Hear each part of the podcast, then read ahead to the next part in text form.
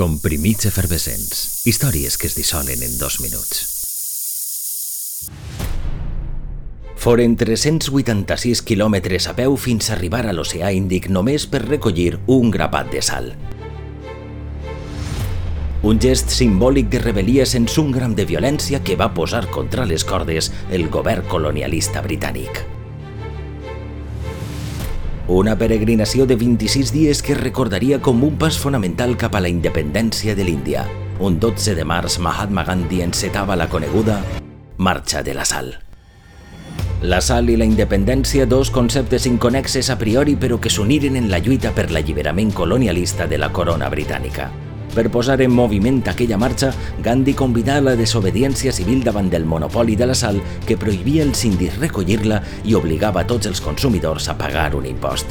Durant la marxa, pacífica i cada dia més nombrosa, no es va produir cap detenció. En arribar a l'Índic, Gandhi va recollir un grapat de sal. Un gest senzill i aparentment innocent, però tan potent que desencadenà que una gernació de milers de persones actuaren de la mateixa manera.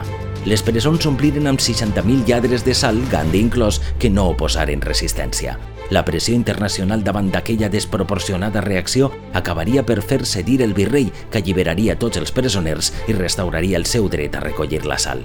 Un gol per tot l'escaire del líder de la no violència a l'imperi britànic en el llarg camí cap a la independència, un 12 de març de 1930.